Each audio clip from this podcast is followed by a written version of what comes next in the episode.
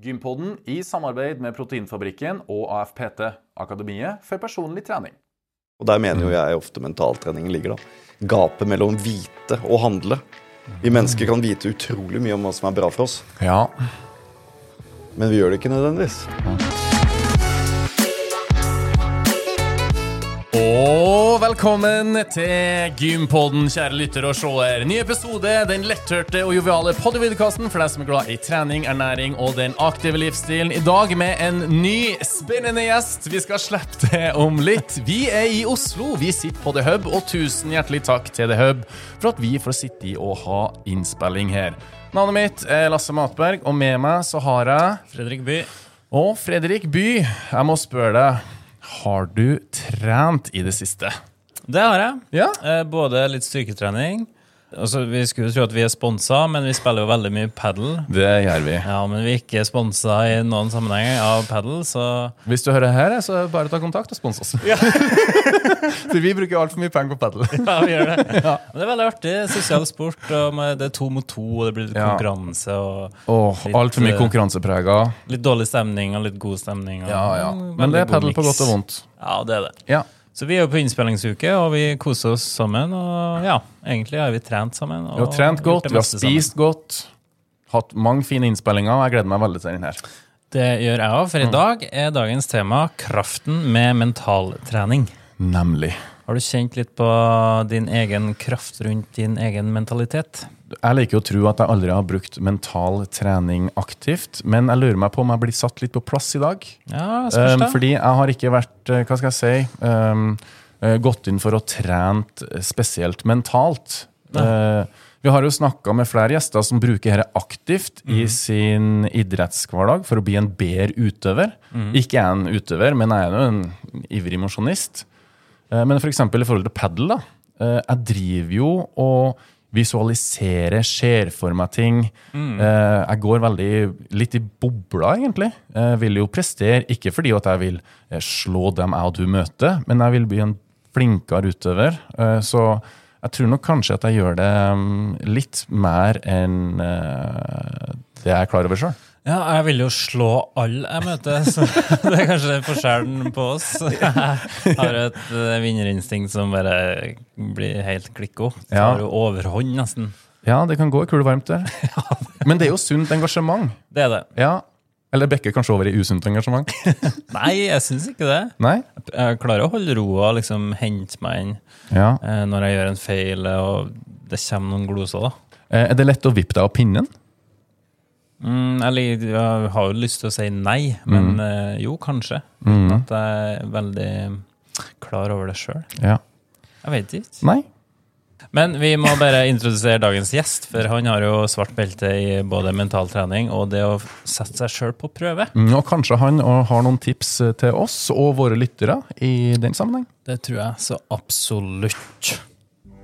Dagens gjest vokste opp på ni ulike plasser.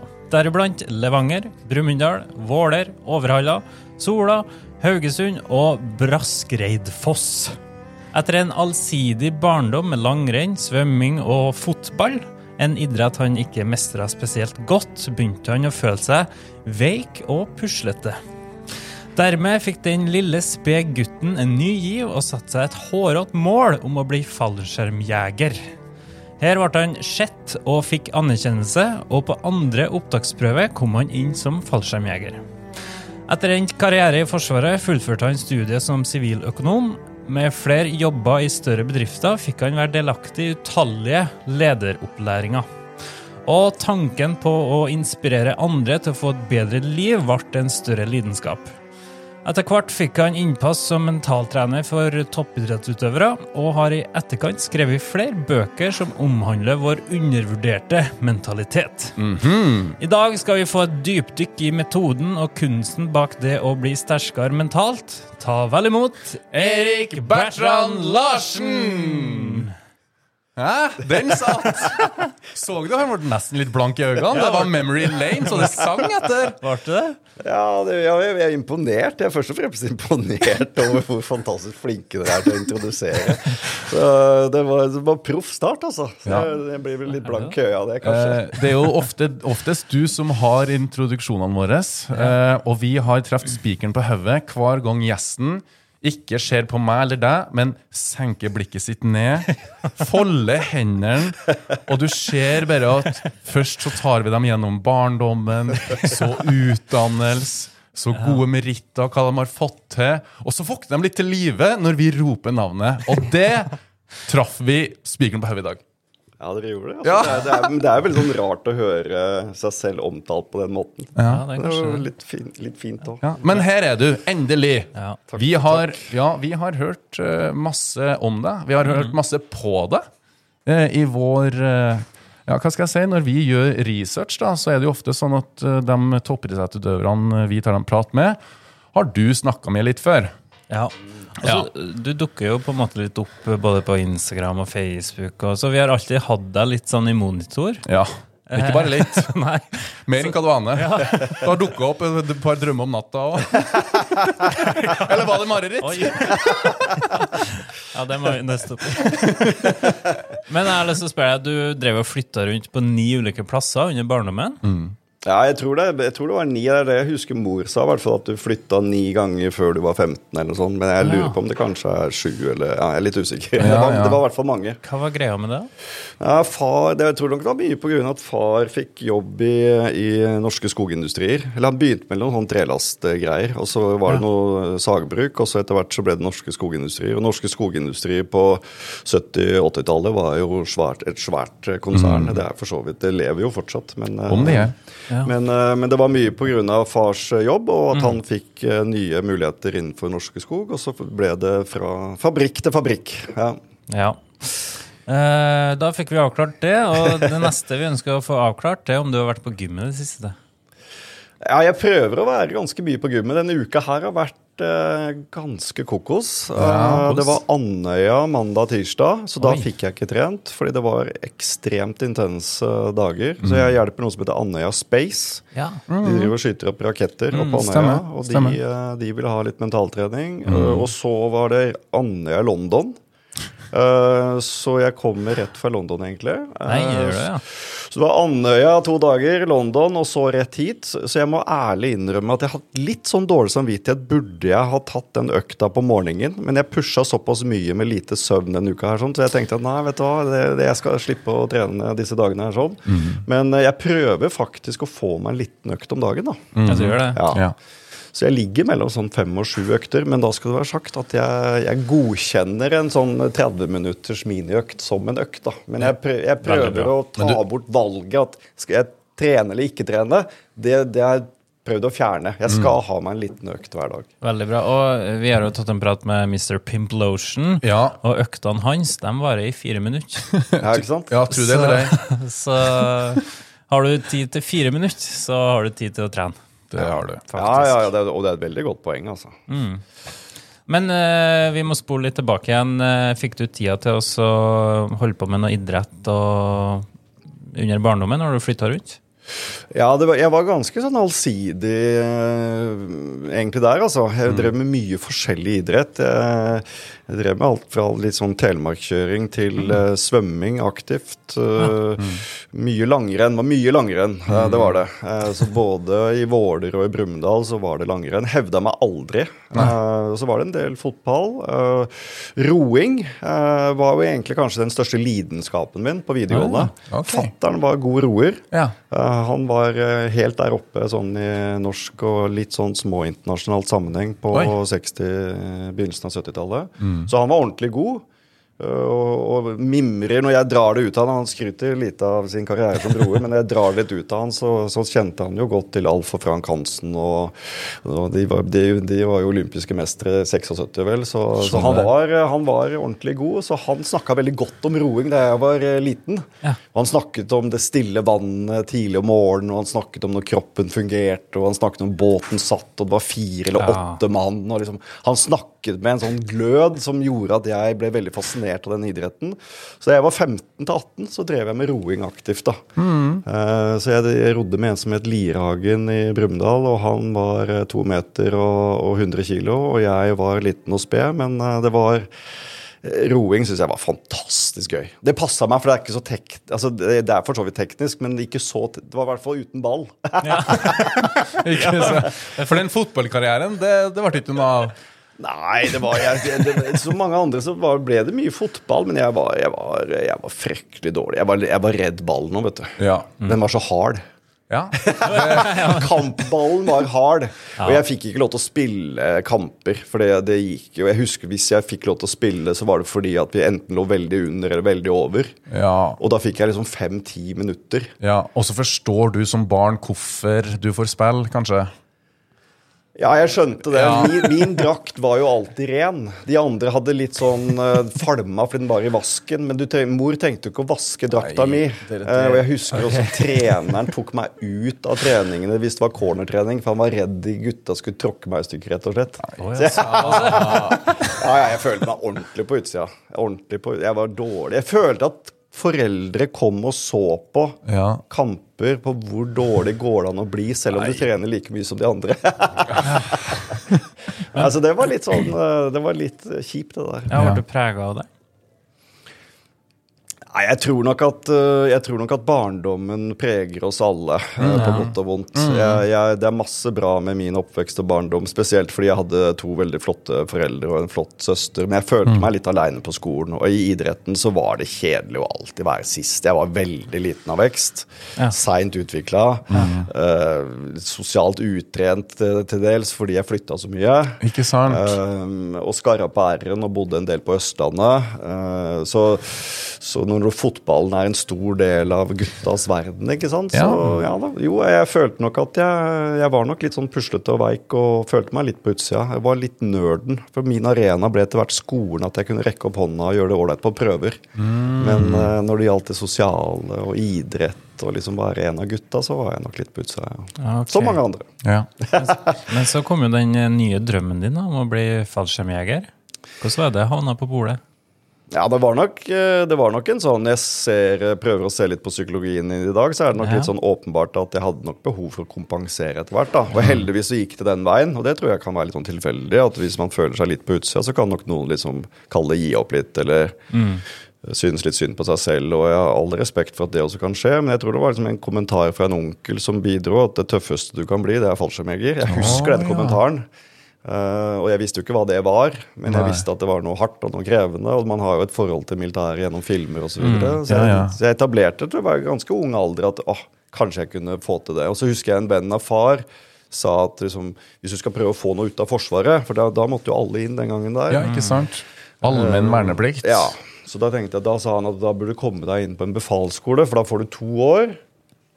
Og så får du litt utdannelse, og så liksom får du noe ordentlig. Da får du noe bra greier ut av det. Så, så, det så, så sa han at hvis, Han visste at jeg var glad i å være ute i naturen, for jeg gikk en del turer med fattern i fjellene og sånne ting. Og da kom dette her med at du burde bli oppklaringsmann Oh, ja. på befalsskolen for kavaleriet. Én kommentar i et sosialt lag hjemme hos oss hos mor og far. Én kommentar fra han der. Det skal jeg søke på. Dette var jo før internett. Så jeg søkte på det. Og visste at det hadde noe med å være ute å gjøre. Ja, og, Satt deg ned og skrev et brev, liksom? nei, da søkte jeg på den på Ja, søknadspapirene. Sendte inn, og pri 1 var befalsskolen for kalleriet. Oppklaring. Så da dro jeg på opptak i nitt, sommeren 1992. Ja. På, og da var det jo vet ikke, et par hundre mann, da, eller noe sånt, 200-250 mann som skulle prøve å komme seg inn på befalsskolen. Og så var det tolv plasser på den oppklaringsgreia. Ja. Men jeg var jo anonym da, ikke sant. Og var jo ikke, var jo ikke, var jo ikke noen storkar da heller. Eh, Men eh, jeg skulle, jeg skulle prøve på det igjen der. Så da var det jo en aspirantperiode. Dette kjenner jo du til. ja, ja. Så var det en aspirantperiode den sommeren, og så um, og så følte jeg at alle andre var mye sterkere og tøffere og råere. Men folk ga seg jo etter hvert, da. Så det var jo litt sånn at jøss, det er jo kanskje det er mulig. Og så var det til slutt så var det noen helvetesuke da, uh, på det opptaket. Og da tenkte jeg at det her må jeg jo fullføre. Og så fikk jeg plass på oppklaring. Jeg hadde vært veldig fornøyd bare jeg fikk plass på befalsskolen. ja. Men så fikk jeg plass. Og så husker jeg var inne hos sjefen. og fikk beskjeden. Og så da sa han faktisk, det her har jeg ikke delt med så mange, men Nei. da sa han sjefen på befalsskolen at du var anonym, Larsen. eh, I to måneder, type. Ja. Eh, det var mange befal som ikke visste hvem du var engang. Eh, men på helvetesuka, da viste du deg fram. Da tok du plass. Ja, da, den, den, det der gjorde jeg det nok ålreit, da. Ja, På hvilken måte? Var det flakka opp skjorta og vist brystkassa? Nei, det var, jo, det var jo en krevende uke fordi det var så ukjent, ikke sant. Men, eh, men da var det bl.a. at vi skulle gå fra Steinsjøen til Trandum leir, og det brukte vi noen dager på. Jeg vet ikke, tre-fire Jeg vet ikke, man husker jo dårlig sånt. Ja. det var Innbill meg det var tre-fire dager Ja. som er liksom avslutningen på denne uka. Ja. Uh, og da måtte vi bære en sånn kasse som veide ganske mye. Og så måtte vi løse en del oppgaver underveis. Ja. Og da var det mange som, uh, som syntes det der var uh, slitsomt og vondt og ubehagelig. Men da, det, der trivdes jeg, da. Og det tror jeg var litt fordi jeg likte meg i fjellene.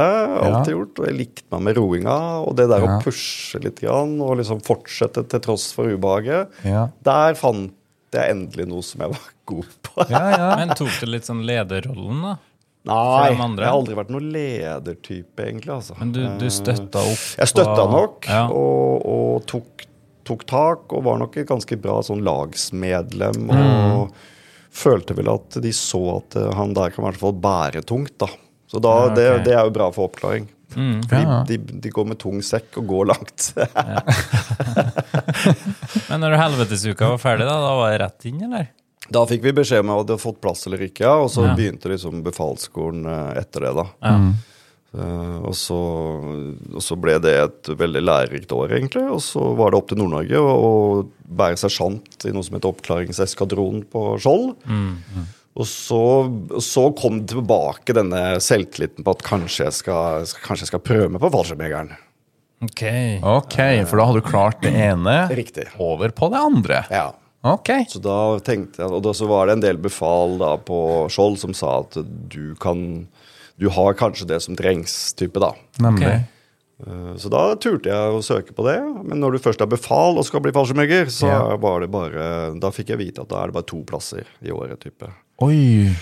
Så nåløyet var enda mindre, ja. Ja, på en måte var det nok kanskje lettere å bli eh, type eh, menig, da. Ja. Eh, selv om de plukker bare en sånn eh, Ja, det er ikke så mange de plukker i året der, heller, men det er en liten tropp, da. Så, Ja. men da, så da fullførte jeg den opptaksuka der, men da ble jeg rangert som nummer tre. Det var egentlig bare tre befal som fullførte òg. Men, eh, men da Nei, seriøst? Ja. Ja. Det var kanskje 15 som starta, da. 12-15 som starta. Ja. Og, så, og så var det tre som fullførte, og jeg ble rangert som nummer tre. Følte du det var rettferdig, eller? Ja, faktisk. De to som fikk plass, de, jeg syns de var bedre enn meg. Ja, okay. Mm. Han ene var helt abnorm, altså. Eh, så han var nok ganske klokkeklar. Han var både liksom veldig god leder, følte jeg, og fantastisk fysikk. Og jeg syns han, han fortjente det, og det gjorde han andre. Han andre trente jeg en del med, han kjente jeg. Ja. Så var vi som håpa liksom at vi skulle få plass. Vi skulle få de to, da. Ja. Men, eh, så jeg ble rangert som nummer tre, og, og, og, og sa, de sa at liksom, sorry, Mac, du har fullført, og du har for så vidt gjort det greit, men, men du får ikke plass her. Og da, da, da sa jeg at jeg kommer tilbake neste år. Men Ok, det, Så verden falt ikke i grus på noen som helst måte? jo, jeg gråt. Jeg gråt inne hos uh, han Ja, det det sjefen der. Ja, fy faen, jeg husker det. Tårene, jeg husker tårene på bordet. Ah, Du er langt nede, du er sliten. Ja. Ja, for dette var jo rett etter at dere kunne komme i mål, sikkert, inn på den leiren. Ja, du får vite nå er det over, Ja. ikke sant? Ja. Og så, Så lettelsen for at ah, yes, endelig ferdig. Jeg har fullført. Bare det i seg selv Ja. var jo stort for meg. Men Og så så får du vite at uh, nei, du er rangert som nummer tre. Men da trente jeg intenst et år til. da. Ja. Ja. Og da Og da- Så da jobba jeg som instruktør på befalsskolen et halvt år. Så dro jeg opp til Nord-Norge igjen og var eh, patruljefører for oppklaring. For å prøve liksom For da tenkte jeg at det er bra trening. Og så dro jeg på opptaket. Og da får jeg vite på første oppstillingsplass på opptaket Nå prater jeg fælt her. så jeg. Nei, nei, nei, kjør på. Men da får jeg vite på første oppstilling, og da står det mange soldater, altså folk som har lyst til å bli fallskjermjegere, og så var det igjen en 12-15 befal som hadde blitt eh, selektert da. Ja. Og så sier Harald Sunde, som var sjef det som het Hærens jegerskole, at vi skal ha så og så mange fallskjermjegere, og vi skal ha ett befal. Og da bare ja, Så da bare Oi. Altså, det var én plass, bare. Én plass. Og da tenkte jeg at eh, For jeg visste hva jeg skulle gjennom. Ja. Det var verre andre gangen enn første gangen. Ja, for da visste du hva det gikk til. Ja. Så da tenkte jeg at ok, da må jeg bare gå Da må jeg ta høy risiko. Så må jeg gå ut høyt fra dag én. Ok. En litt uh, annen uh, sersjant Larsen som viste seg fram der, da, kanskje? Ja, jeg tenkte hei, hvis jeg skal ta sjans, da, Ja. så må jeg ta risiko.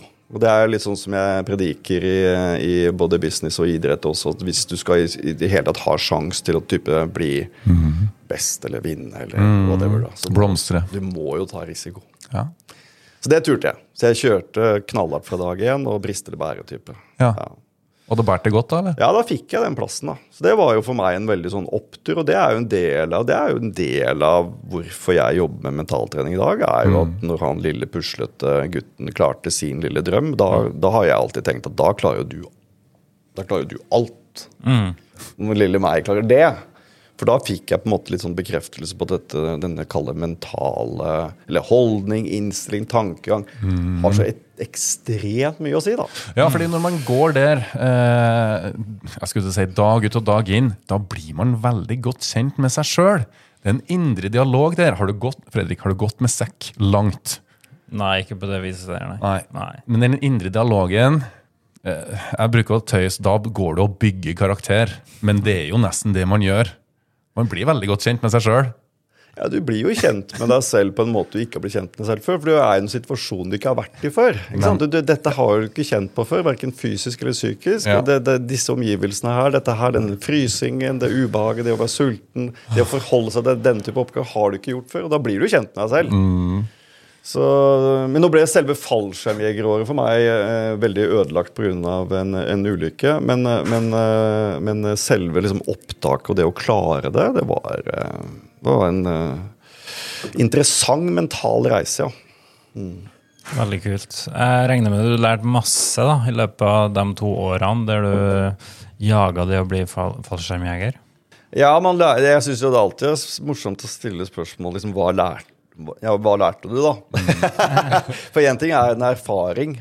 eh, Men det andre er å prøve å sette ord på hva jeg lærte. Så ja, jeg er jo, svaret er jo ja, jeg lærte jo masse av det. Og det ene som er viktig, er jo selve forberedelsene.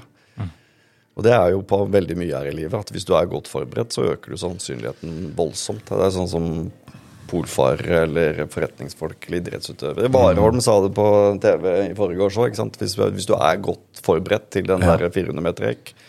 Det er jo selvfølgelig. Men samtidig så er det jo ikke alle som gjør det, da. ikke sant? Og det er, det er jo det som er interessant. Hva er det som er forskjellen på de som gjør ting, og de som ikke gjør det? Og der mener jo jeg ofte mentaltreningen ligger, da. Gapet mellom vite og handle. Vi mennesker kan vite utrolig mye om hva som er bra for oss, Ja. men vi gjør det ikke nødvendigvis. Nei, det er kanskje et eh, godt poeng. Altså, eh, vi, jo med, vi har jo snakka med Lena Richter, Det har vi. eh, og rundt forberedelsene til CrossFit Games. Mm. Der jobber de i team, fire stykker sammen. Og det de gjør, som kanskje ikke konkurrentene gjør så mye, det er at de eh, visualiserer hele løpet Ja. Hun kaller det å finne flowen. Å finne flowen, ja. Og Da prøver de å kartlegge sånne små feil da, som kan oppstå underveis. Og det tror jeg kanskje har vært edgen deres til at de har havna på pallen tre år på rad. Ja. Ja, det er imponerende. ja, det er altså Veldig. veldig, imponerende. Men så eh, du fullførte eh, opptaksprøven, og alt sånt der, men så kom det en buss i veia? var det? Ja, jeg fikk et, for så vidt et bra første halvår, og så, så var det en buss som eh, kjørte inn i meg på E6 på vei til eh, Jeg var på Moelven på en eller annen eh, hadde, Jeg var i Moelv av en eller annen merkelig grunn. Mm. Jeg lurer på om vi var, møtte noen venner, og så skulle jeg kjøre grytidlig ned til Trandum en morgen, og så jeg lurer på om det var sånn i femtida på E6 på morgenen der, så er det veldig glatt på E6-en, og så er det en buss som mister kontrollen, og så kjører inn i meg.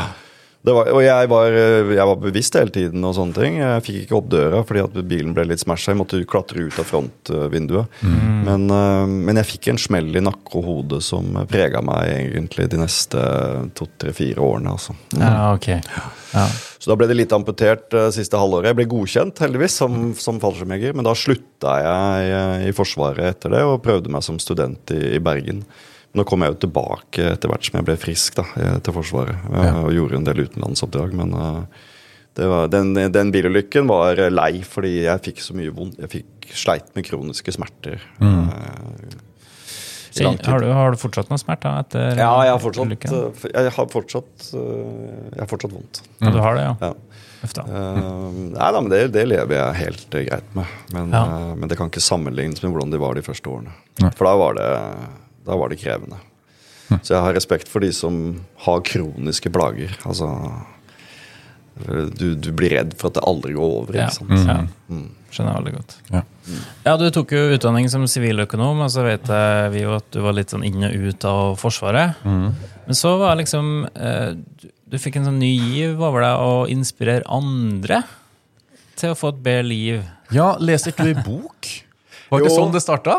Jo, det var en kamerat av meg som heter Thomas, som, eh, som ga meg en bok eh, som het 'Awaken the Giant Within'. Sånn var det. Stemme. Det Goliat. Pretensiøst og amerikansk. Ja. eh, Men jeg ble veldig fascinert av den boka. Ja. For det var introduksjonen til coachingen og mentaltreningsverden for min del. Mm. Og jeg hadde ikke hørt om dette her. Nei. Dette her er ca. 20 år siden. Ja. Men, men han, det det fascinerte meg at han hadde det som yrke. Ja. Jeg skjønte at denne Tony Robbins eller Anthony Robbins hadde som jobb å prøve å inspirere og motivere og komme med noe innspill på hvordan vi kan få det bedre eller prestere bedre. Ja. Og det ble veldig sånn wow, dette her er jo noe Det ble liksom litt sånn connecting the dots på hvordan reisen min har vært, og hvordan jeg kanskje kan bruke erfaringen min. Så da ble det sånn jøss, kan man leve av det her? Så da ble jeg veldig nysgjerrig på det. Så dro jeg og hørte på han Ja, i London. Stemmer det. Um, og så tenkte jeg det her, det her er jo min lidenskap. Selv om det var litt sånn unorsk på en måte og litt annerledes, så tenkte jeg at hvis jeg kan, hvis jeg kan jobbe med det her, så tenkte jeg det må jo være helt fantastisk. tenkte jeg. Ja. Så det var starten. Så da kasta jeg håper jeg, Sivøk og, og planene mine innenfor næringslivet på båten og tenkte at nå, nå går jeg for det her. ja. Og hvordan starta den reisen der? Jeg tok litt risiko. eh, Jeg, jeg bestemte meg for så vidt fra London at det, det, dette her skal jeg prøve å leve av. Mm. Så jeg sa opp jobben min, og så leide jeg et bitte lite kontor ikke så langt herfra for at vi sitter nå, ved tinghuset. Mm. Og så, sa jeg, og så ringte jeg alle venner og bekjente og hele nettverket mitt og sa at nå har jeg begynt som coach, så hvis du kjenner noen som kjenner noen som har lyst til å spare med meg, så, så kan du ha meg i bakhodet eller skrive det bak øret. Ja. Og så gikk det en dag eller to, og så var det en kamerat som sa at du, jeg, jeg har noen som kanskje har lyst til å spare. Og da var det Og der starta det egentlig. Så relativt raskt så fikk jeg noen kunder. Og så, så ble jeg superfascinert av at eh, folk var villige til å prate med, prate med meg. Ja, ja. Men da var det liksom one-on-one-coaching? Ja. ja. Det var ikke noe foredrag og store scener og sånne ting? Nei, det var vel eh, Mitt første foredrag var faktisk For jeg begynte på Handelshøyskolen i Bergen, men jeg fullførte Sibøken på BI. Så jeg fikk et foredrag på BI relativt tidlig. Oh, ja, gjorde du det? Ja, for noen studenter på liksom mindset, og prøvde å dra inn noen erfaring fra Forsvaret og litt hva jeg hadde lært. inn. Og, ja. så, det, så det var nok ikke mange månedene etter at jeg hadde begynt at jeg holdt mitt første foredrag. Altså. Selv om det ikke er veldig meg. Nemlig. Eh, Jeg syns det er litt sånn ubehagelig å stå på scenen. Ok. Men hva er den som eh, booka deg til one-on-one-coaching, da? hva var det de hadde behov for? Første samtalen var en som ikke klarte å fullføre masteren. Nei. Så liksom, kan du hjelpe meg med hvordan jeg skal tenke for å fullføre, i slutte å utsette? Eh, det er nok mange i begynnelsen som eh, fikk lyst til å Jeg jobba ganske mye for sånn eiendomsmeglerselskap i begynnelsen. og det, det gikk på motivasjon og inspirasjon. Mm. hvordan ta tak i de tingene vi vet at vi bør ta tak i. Jeg vet at jeg burde ringe potensielle kunder oftere. Jeg vet at jeg kanskje burde trene litt mer eller spise litt sunnere eller legge meg litt tidligere. Eller jeg vet at jeg kanskje burde følge opp de i større grad eller være litt mer på hugget der. Eller jeg burde gå i postkasser og legge ut noen DM-er. Altså, de hadde veldig gode ideer og tanker om hva som skal til for å bli en god eiendomsmegler. Ja. Men, eh, men det er der jeg følte at jeg kunne bidra til gjennom samtalen på liksom å bevisstgjøre på hvordan kan du tenke litt annerledes for å faktisk bli en doer. Ja, Eh, Så det er nok eh, ja. artig. Jeg, ja, altså, Det var det første som slo meg, i hvert fall. når du Ja, ja. spørsmålet. ja. jeg føler at det er veldig mange som er sånn ønsketenkere. På hvilken måte? Nei, at de ønsker å, å kanskje bli ringt opp av Elon Musk og begynne å jobbe for han. At de ønsker, altså Det er mange som ønsker drømmere. De har ikke den given til å liksom ta risiko, da, som du har vært inne på. Så Ja. heller de igjen. Ja, jeg, altså, ikke sant? Og det er, det, jeg er helt enig med deg at vi, vi mennesker kan ha veldig gode formeninger om hva som skal til for å få det bedre i livet. Hvis jeg stiller spørsmålet hva skal til for at du får mer livskvalitet, så opplever jeg at de aller fleste mennesker har gode svar på det. Hvis du må prestere bedre på jobben din, hvis ikke så skjærer jeg deg av venstrearmen, så har de gode svar. Ja. Så utfordringen er faktisk å gjøre og det er noe av grunnen til at det er veldig vanskelig altså, Jeg tror En sånn stor sekkepost på det som holder oss tilbake, det er frykt. Hvis jeg lager en stor sekkepost på det. Frykten for det ukomfortable. Frykten for å ha det ubehagelig, frykten for å ha det litt vanskelig, frykten for å feile. eh, frykten for hva andre sier. Uh, miste gruppen, uh, få kritikk, uh, Um, stikke seg fram. Bare for å stoppe deg der. ehm, det var jo akkurat det du nevner nå, jeg tenkte når Fredrik eh, ville starte podkasten her. Eh, Fredrik er veldig sånn doer, og nå skal vi jaggu sette i gang. og Se her nå, jeg har allerede bestilt podutstyret. Så nå er du med enten du vil eller ikke, og hvis du takker nei, så ringer jeg til en annen fyr. det var litt der. Eh, og så var jeg litt sånn, ikke at jeg sitter i en sånn usunn opposisjon, men jeg er kanskje litt mer Ja, men vi starter jo her med null lyttere, null følgere på sosiale medier. Hvordan skal vi få til dette? Eh, Hvordan skal vi få den første personen til å si ja? Eh, Men vi fikk det jo til, da. ja da. Ja. Og jeg tror kanskje det stemmer nok fra at jeg jeg er utdanna rørlegger, og fant tidlig ut at det er ikke noe jeg har lyst til å holde på med. Og da tok jeg et valg liksom å ta styring på eget liv. Ja. Og liksom, det her er ikke retningen jeg vil gå, jeg vil gå den retningen. Hva Ja. må jeg gjøre for å komme nærmere steg for steg på den retningen jeg ønska. Mm -hmm. Og når jeg gjorde det, så kjente jeg jo på den, fikk jeg den sjøltillitsboosten og tenkte at uh, klarer jeg det, så klarer jeg jo andre ting også. Og da kom jo den ideen om podkasten og sånn opp, og da var det veldig lett for meg å liksom se målet borti der, Ja. og se stegene bortover, da. Ja. Jeg hadde på en måte allerede tråkka den veien. hvis du Ja. skjønner. ja. Så det var kanskje en fordel. Ja, da driver jo du mentaltrening i min verden, da. ikke sant? Ah, ja, Fordi gjør det, at vi, vi, kan, vi, kan, vi har en voldsom tendens til å tenke worst case. Eh, hva om det blir ubehagelig, hva om det blir vanskelig, hva er motstand, hva er fallgruvene, hvordan kan det gå galt, hva, hva, hva sier andre? Altså, du, du imponerer meg veldig, Lasse, i forhold til at du tør å eksponere deg. Du tør å vise deg fram. Eh, Du tør å være med på TV, du tør å gjøre det på sosiale medier osv. Mm. Det er egentlig ganske unormalt, ikke sant? Fordi at når du stikker hodet fram, så får du også kritikk. Mm. Folk kan harselere, folk kan kritisere, folk kan henge deg ut. og og det, og, det er egentlig, det, og det- er jo unormalt for oss mennesker, for vi har egentlig bare lyst til å bli likt. Ja. Og grunnen til det er jo gjennom evolusjon. ikke sant? Tusenvis av år så har vi levd på den planeten her med et behov for å ha gruppen. Mister du gruppen, eh, så dør du. Ja. Så vi er, vi er ekstremt vare på hva folk rundt oss egentlig mener. Så er det de som klarer å demme opp denne frykten. Vi er også annet veldig redde for å eh, ikke ha livet så forutsigbart og trygt som vi i utgangspunktet kan ha. Så De fleste gjør jo det vante selv om de ikke trives. De fleste fortsetter jo med de ulike vanene selv om det ikke er optimalt for dem, fordi de gir i hvert fall forutsigbarhet Ja. i et uforutsigbart liv. For når som helst så vet vi ubevisst bevisst at livet kan slå. Nemlig. Så vi gjør det vante. Vi unngår å, å få gruppen til å mene noe, og vi unngår det ukomfortable. Det er jo noe av brorparten, tror jeg, til at vi ikke gjør det vi vet at vi burde kunne skulle. Nå snakker vi om Det å trene, f.eks., er jo klassiske eksempelet. Det er ubehagelig å trene. Det er litt mer ubehagelig å dra og trene enn å bli i sofaen. Og vi er programmerte til å egentlig ta enkleste motstandsvei hele tiden. Skal jeg ta den kjipe mailen eller den vanskelige mailen? Skal jeg eh, ta det initiativet der, eller skal jeg utsette det? Skal jeg, skal jeg eh, trene eller ta sofaen? Vi, vi, vi er egentlig programmert skal, skal jeg bli liggende i senga, trykke på snusknappen, eller skal jeg stå opp? Og bare det, det, det om å stå opp når, snu, når det ringer første gangen, er jo et sånt veldig fint eksempel, syns jeg. For da avslører vi oss selv. For at det er jo ikke knallhardt å stå opp i dagens samfunn i et temperert hus. På ingen som helst Det, måte. alt blir jo relativt, da. ikke sant? Veldig godt eksempel. altså. Det er jo ikke sånn at vi står oppe i hula.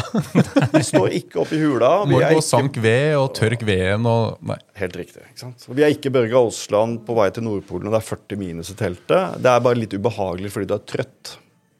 Men det er jo ikke knallhardt å være trøtt i utgangspunktet.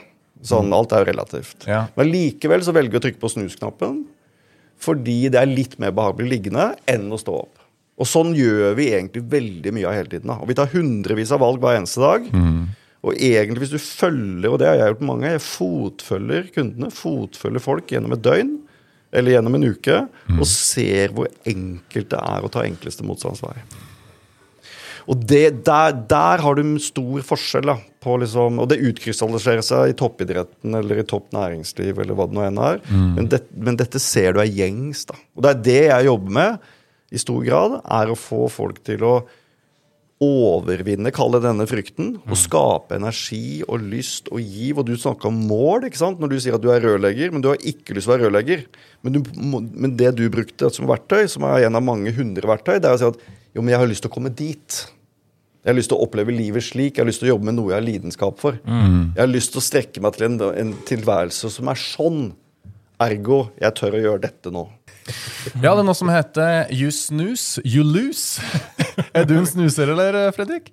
Altså, jeg er jo det på Det, det varierer litt. Ja. Eh, Som i dag så våkna jeg av meg sjøl kvart over åtte. Digg, da. Ja, Veldig digg. Ja. Mm. Og la meg fornuftig tid. eh, Og fikk eh, sovna med en gang og trykka klar. Ja. Eh, Men så har du de periodene du må stå opp klokka fem for å rekke et fly. Uff. Og da står jeg opp med en gang. Ja. Men så har du de gangene der jeg tenker at ok, i dag burde jeg stå opp åtte, Mm. men jeg skal ingenting. Nemlig. Så da, Da blir det litt snus. da utsetter du dagen litt, ja. knapping. ja. Så det varierer litt hvilken setting det er, føler jeg. Mhm. Enn du? Jeg er en fæl snuser, altså. Ja. Og jeg er en sånn som setter på tre alarmer.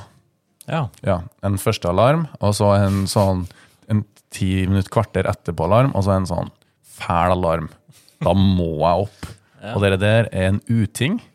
Eh, så jeg, jeg blir litt stille når du sier det du sier, og eh, ja, jeg må, jeg må skjerpe meg på det der. Ja, men For jeg, altså- prokrastinerer jo dagen.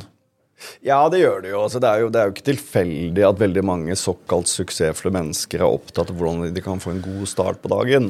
Det er ikke tilfeldig. Fordi at disse dagene som kommer og går, det er livet. Ja. Og det, har vi fort gjort, det er fort gjort å glemme det. Eh, Det er fort gjort å glemme at, eh, at eh, Det var vel Stig Johansson som sa 'Inte visste jeg at alle disse dager som kom og gikk, var livet'. Det, det er det du får. og, jeg, og jeg er med på den at hvis du får en god start, så øker du sannsynligheten for at det blir en god dag. Kommer du godt ut fra hoppkanten, så øker du sannsynligheten for et fint svev utover dagen.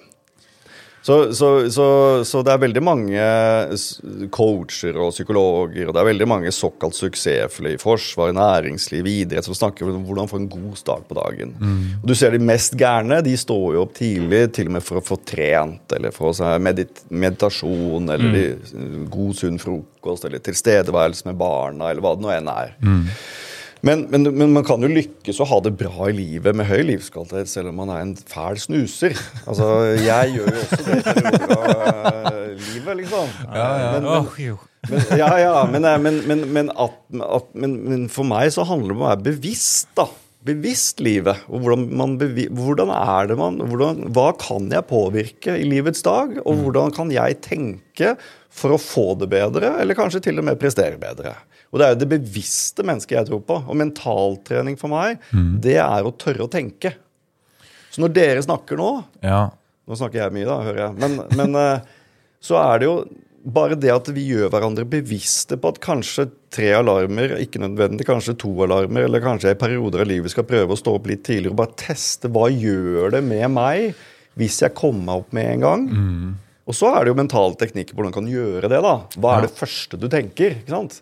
Og så kan jo det være en opplevelse at vet du hva, det er fint for meg å stå opp ti minutter før eller en time før det som jeg må. For da får jeg en bedre utgangspunkt. Ja. Men, men dette her er jo, det, dette her kan jo være på så mangt ikke sant, i livet. Men det, så, men det, men det er liksom et, det Grunnen til at jeg snakker en del om morgenene, er fordi at det er så, det er så rent. det er ikke noe som påvirker deg nødvendigvis da. Det er litt din egen battle. Så Om du er i fengsel eller i ubåt eller om du er på en hytte på fjellet, så kan du påvirke morgenen din. Og hvis det alltid er sånn at du trykker på snuskapen tre ganger, og alltid får litt dårlig tid, og at det blir litt stress, så mener jeg at det er noe du faktisk kan gjøre noe med. Jeg sier ikke at det er noe gærent å stå opp i siste liten, men jeg liker å utfordre på at er det det riktige for deg, da? Ja, men Det er veldig godt poeng. Jeg kjenner meg veldig igjen. Eh, Jeg òg har jo alltid vært litt for sein. Litt stress om morgenen, spesielt når jeg jobba som rør rørlegger. Da Da var jeg tidlig oppe om morgenen. Og så var det en kar, jeg husker ikke hvem det var, så sa han at Men du, kan du ikke bare stille den vekkerklokka fem minutter før? Og så gjorde jeg det, og så bare hadde jeg jo plenty av tid. Fem minutter. Fem minutter. Altså, ikke stress. Jeg var bare oi, oi, oi, ut i bilen, kjørt. Ja. Altså, så enkelt, men så vanskelig. Ja, og så trenger det kanskje ikke å være så vanskelig hvis du tør å tenke litt over hva, hva vil det gi meg? Ja. Hva, hva er oppsiden med det? Jeg skjønte ikke før jeg prøvde da. Nei, ikke sant? Det er jo et godt poeng. Ja. Og det er jo ofte sånn at man må teste litt. Det er som han sønnen min som sa på kvelden at nei, jeg er ikke sulten, så jeg vil ikke ha noe kveldsmat. Og så lagde jeg kveldsmat til han likevel, og så sier jeg ta én bit. Og så ender det opp med at han spiser fire skiver den dagen. Ja. Eller den kvelden. Så, men noen ganger så må vi bare teste for å oppleve Jo, det stemmer, det. Det var godt for meg. Så det er jo et godt poeng, det. altså. Men i forhold til sånne småting, eller det er jo egentlig ikke småting, ting for hverdagen er jo det det er mest av. Ja, det er det. Eh, har du noen tips i forhold til hvordan man liksom kan tweake om, sånn at eh, alt blir kanskje litt lettere, tenke litt lettere, du griper dagen litt lettere? Ja, for det, det, er jo, det, det er jo som disse hundrevis av valgene hver eneste dag. Hvordan kan jeg ta litt mer av de riktige valgene? Også for meg så handler det ikke om at man skal alt det, det behøver ikke være så, nødvendigvis at man skal være sitt beste hele tiden heller. Nei. Eh, Det kan være at man skal være flinkere til å gi beng. eller være flinkere til å, å bare være i nuet, eller bare være, for den saks skyld. Men vi vet nok en del om hva som skal til for å få det bedre, og prestere bedre. Så det, det jeg ofte, veldig ofte begynner med, er at jeg spør hva er, hva er viktig for deg i ditt liv? Um, hvis du spør meg om det, vet du hva jeg gjør? Ja, for, for å starte dagen på best mulig måte. At jeg rydder leiligheten før jeg legger meg. Fordi når jeg står opp da, sjøl om jeg har slumra tre ganger, eh, så er leiligheten ryddig og fin. Og ryddig hjem, ryddig hode. Sånn er jeg. Og det er ingenting bedre enn å åpne eh, soveromsdøra, se ryddig stue, ryddig kjøkken, går og setter på kaffen, og bare mm, tar den kaffen, og det er strøkent. Og dette er det mange psykologer som også snakker om. Ikke ah, ja. sant? Skal du få et mer ryddig hode, så rydd eh, leiligheten din, eller Ja. rydd pulten din. Ja. Så dyktige forretningsfolk uh, har nok i større grad en ryddigere pult enn de som ja, Jeg har ikke sett noen forskning på det, men det er i hvert fall en idé jeg har. Men, det, men det, er, det er mange psykologer som snakker om at uh, hvis det er kaos hjemme, så rydd. Om så bare et hjørne av leiligheten. Mhm. Fordi da får du Jeg også merker at hvis jeg har det veldig Hvis jeg får det smikk-smakk hjemme, Mhm. så får jeg det Så det er et veldig godt tips. det. Veldig godt. Du har coacha mye næringslivsledere. Ja. Hva er det som går igjen der i problemene som oppstår for dem? Nei, det, er ofte, det er ofte det vi snakker om nå. De har, en, de har en helt klar formening om hva som skal til for å bli en bedre leder. Utfordringen er å gjøre det. Om det er å bli litt tydeligere, eller om det er å delegere litt mer, eller om det er å prioritere hardere, eller om det er eh, å ta initiativ overfor én-til-én-samtaler, eller å samle folk og snakke om visjon osv. Så, videre. så det jeg ofte snakker om for å få til ønsket endring, er at jeg starter med hva er verdiene dine. For det som er interessant, er at eh, ledere i ulike bedrifter som tar ansvar for bedriften, de sier at en del av arbeidet for å øke sannsynligheten for suksess er at vi må vite hva er det selskapet skal stå for. Hva er verdiene? Og så kommer mål og strategier og sånn, selvfølgelig. Og det er, det er sammensatt, og det er masse arbeid for å få til en suksessfull bedrift. Men jeg mener at vi kan lære av den type tankegang på individer og si at hvorfor skal ikke vi ta ansvar for livene våre? Og så si at hva er verdiene dine? da? For hvordan i all verden skal du ta mer av de rette valgene i hverdagen hvis du ikke aner hva som er viktig for deg? Så vi må, vi må tørre å tenke innimellom. Vi må stoppe opp innimellom i livet og så tenke, ta en penn og et stykke papir og se hva er verdiene mine? Og veldig mange, som, om det er næringslivsledere eller om det er toppidrettsutøvere, de sier at helsa mi er viktig. For Hvis jeg ikke har helse, hvordan kan jeg være en god leder, eller hvordan kan jeg være en god mor, eller god far eller en god venn? Så i Gympodden så tenker jeg at veldig mange konkluderer faktisk med at det viktigste for meg er helsa mi. Oksygenmaska først, så kan jeg hjelpe andre. Hvis jeg tar vare på meg selv, da kan jeg være en god leder. Så det, Vi starter ofte med å definere hva er faktisk viktig. Helse, familie, venner, tilstedeværelse, skape verdier, eller hva det nå enn er. Og så er gjerne steg to ok, hva har du egentlig lyst til å oppnå? Hva er, har du mål? Har du drømmer? Hva hadde vært fint å få til i løpet av livets reise? Og da må man tørre å stoppe opp og faktisk tørre å tenke på det. da, At ikke det bare blir tilfeldig. For det som har gjort veldig inntrykk på meg, er jo de gamle menneskene jeg snakker med, som er 70-80-90 år gamle, som aldri stoppet opp i livet og evaluerte, vurderte og analyserte hva slags liv er det jeg egentlig ønsker. Som du gjorde i forhold til rørlegger, eller som dere har gjort med podden. Turte å tenke på hva hadde vært nydelig å få til. Ja, jeg for min del jobba jo 15 år i Forsvaret. Eh, kunne sikkert ha slutta et par år før. Eh, men så er det det med at i Forsvaret så er det lønningsdag den 12. Eh, og den lønna kommer ofte inn eh, 11., 10. og 9. Eh, avhengig om det er helg og helligdag. Og den kommer, altså. Uansett om du jobber 90% en måned eller 110% en måned, om du kommer fem minutter før eller om du kommer fem minutter etter eh, klokka halv åtte. Den lønna kommer. Og det er en trygghet, og økonomisk trygghet på den måten. Mm. Jeg måtte jobbe virkelig for meg sjøl for å tørs da, og, og, og slutte å prøve å stå på egne ben. Er det det? Eh, ja, det er jo det. Jeg sitter jo her to år enda, og skuta den flytter. Ja. Men det var jo Jeg skulle ønske at jeg turte å gjøre, gjøre det litt før. Ja, og der tror jeg som mentaltrener da, at Ja. noe av utfordringen er at vi, vi det er veldig, Dette er flyktige tanker. Og, Ja. og som jeg sa, at vi søker trygghet og forutsigbarhet i livene våre. Mm, vi er redde for det uforutsigbare, vi er redde for at det går gærent osv. osv. osv. Mm. Så noe av utfordringen er at vi tenker ikke grundig over det.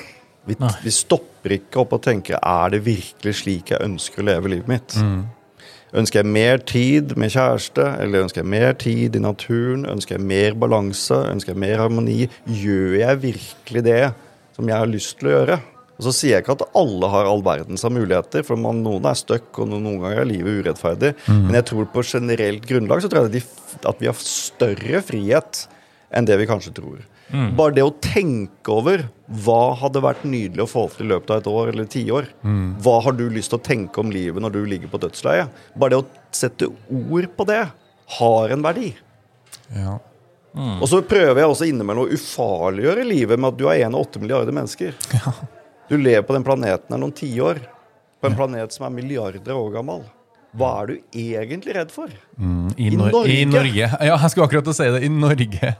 Det er det, det, er det, det er det tryggeste, fineste, beste landet. Altså, hvis du tar Skandinavia Du skal ikke reise veldig mye i verden, for du skjønner at Skandinavia er et veldig spesielt hjørne av verden. Og det verste som kan skje her, hva er det? Når folk tør å sette ord på hva de egentlig er redde for, så erkjenner de veldig ofte at det er kanskje ikke så veldig mye å være redd for. Sånn egentlig.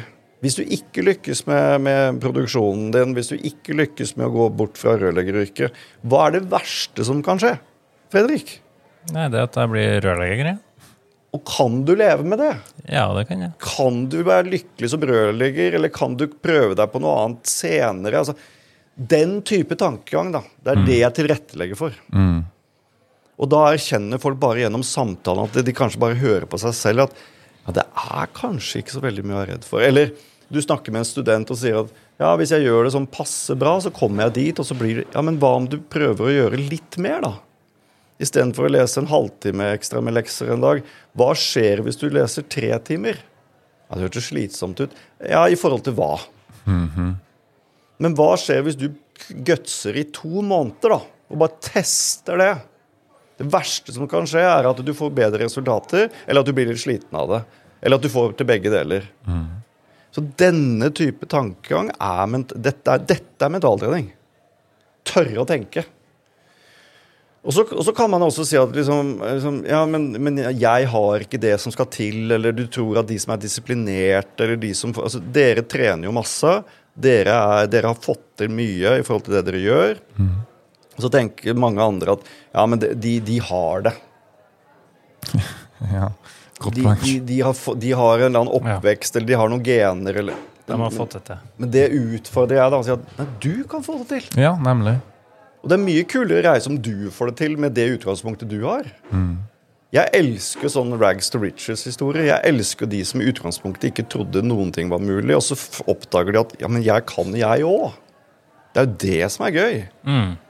Det blir veldig tydelig i idretten. En som tror at nei, jeg kommer vel på et nasjonalt nivå, og så viser det seg etter to, tre, fire, fem år at han kan bli best i verden.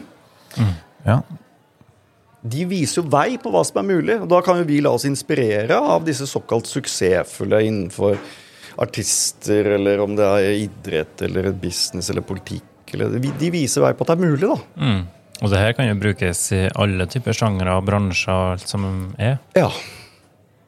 Og du må gjerne fortsette rørleggerjobben din, men det, det, jeg lurer på, er at hvis du virkelig gjør en god jobb som rørlegger, gir det noen muligheter som du kanskje ikke trodde?